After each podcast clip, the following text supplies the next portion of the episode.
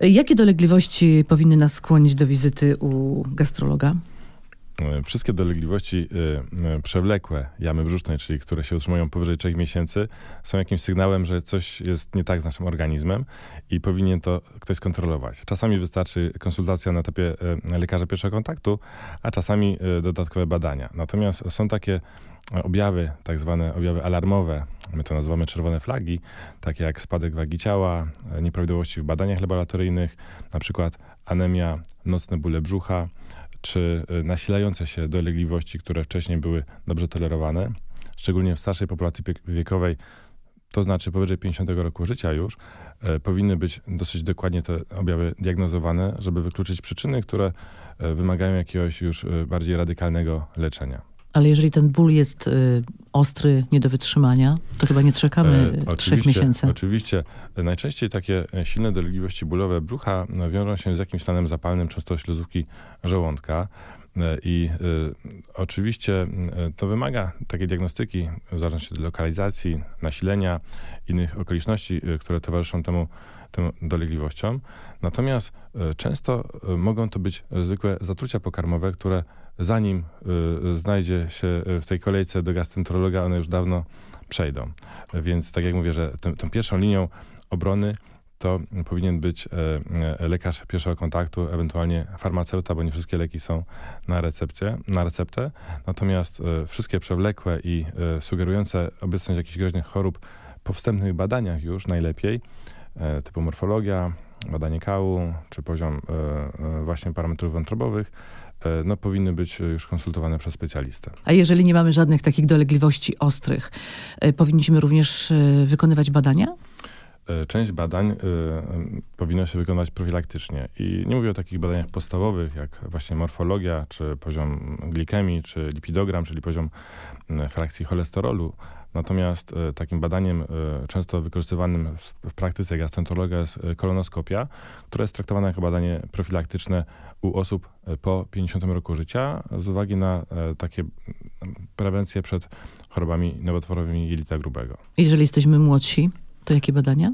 E, jeżeli jesteśmy młodsi, to zależy Robimy, nie wiem, USG. W zależności od dolegliwości. Właściwie... Ale jeżeli e, nie mamy tych dolegliwości, powinniśmy też iść do lekarza i sprawdzić, nie wiem, raz na trzy lata chociaż? To znaczy, e, oczywiście, że e, takie badania, mam na myśli badania z krwi, czyli te laboratoryjne, e, są e, e, zlecane nawet przez lekarzy medycyny pracy, jako właśnie taka profilaktyka, żeby sprawdzić, czy nic złego się nie dzieje.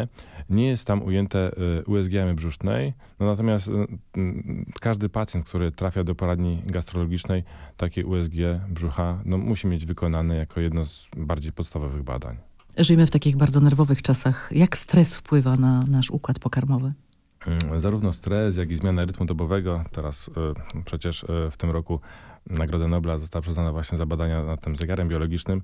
Ma bardzo istotne y, znaczenie i te, część z tych chorób cywilizacyjnych, jak właśnie na przykład nawet otyłość, czy zaburzenia snu i czuwania, ale również cała grupa schorzeń przewodu pokarmowego, tak zwanych czynnościowych schorzeń przewodu pokarmowego, jest zależna od stresu, od tempa, w jakim żyjemy, od nieregularności spożywania posiłku e, i e, często e, takie kompleksowe spojrzenie na, to, na ten problem pomaga. Nie zawsze to musi być zmiana nawyków żywieniowych, nie zawsze muszą to być leki, które mają działać objawowo, czyli hamować ten najbardziej dokuczywy objaw, ale pewna zmiana przyzwyczajeń, nawyków tutaj też ma dosyć duże znaczenie. Mm, jak leczyć tego typu dolegliwości, jeżeli y, wynikają one właśnie y, ze stresu? E, więc szereg, szereg problemów wynika ze stresu i nie są to oczywiście tylko mm, objawy ze strony przewodu pokarmowego, objawy zaburzeń nerwicowych mogą dotyczyć układu krążenia, kołatania serca, zaburzeń snu, ale też oczywiście schorzeń przewodu pokarmowego i tutaj cały zespół tak zwanych czynnościowych schorzeń przewodu pokarmowego E, mi się e, nasuwa.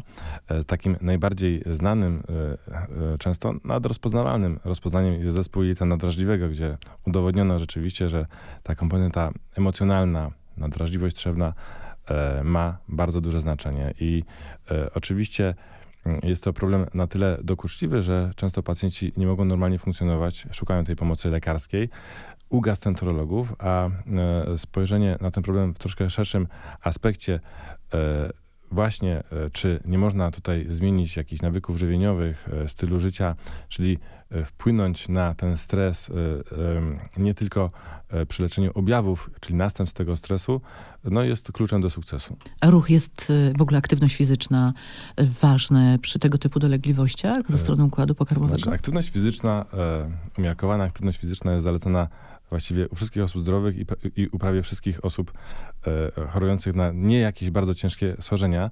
Na tyle to jest istotne, że e, według takiej ostatnie, ostatnio w 2016 roku e, e, przedstawionej piramidzie żywieniowej, czyli wydawałoby się dotyczącej te, tego, w jaki sposób powinniśmy się odżywiać, to tym fundamentem tej piramidy, czyli tym, tym najważniejszym aspektem tej piramidzie jest właśnie aktywność fizyczna. A czego nie lubi nasza wątroba?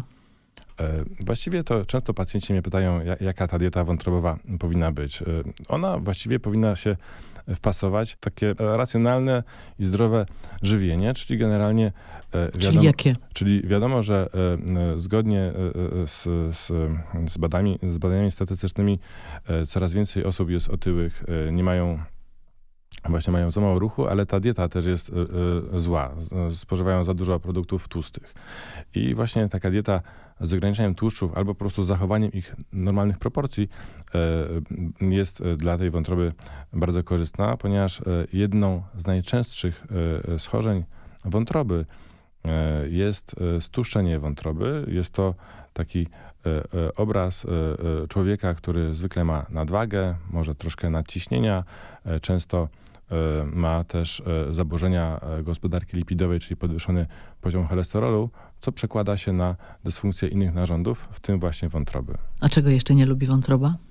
No wątroba, no, właściwie jednym, jedną z głównych przyczyn toksycznego uszkodzenia wątroby to w warunkach polskich jednak alkohol. My spożywamy na rok 9,5 litra czystego etanolu, no to z tego się robią właściwie 2,5 wiaderka, jakby to tak rozlać na butelki wódki. Y, I ten alkohol często spożywany, jak jest naczczo, czyli jak osiąga duże stężenie, albo u osób, które tak piją weekendowo, czyli w krótkim czasie dosyć duże stężenia tego alkoholu się podnoszą we krwi. Taka sytuacja najbardziej zaburza tą czynność wątroby.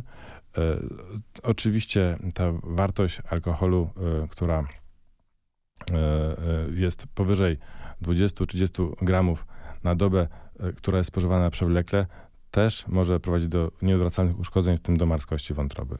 Drugim takim problemem są leki, które często są stosowane w za dużych ilościach, w nieodpowiednich sytuacjach, które też są powodem tego uszkodzenia, nawet kończącego się przeszczepem wątroby, jak przy zatruciu paracetamolem. Doprecyzujmy, jakich leków nie lubi wątroba?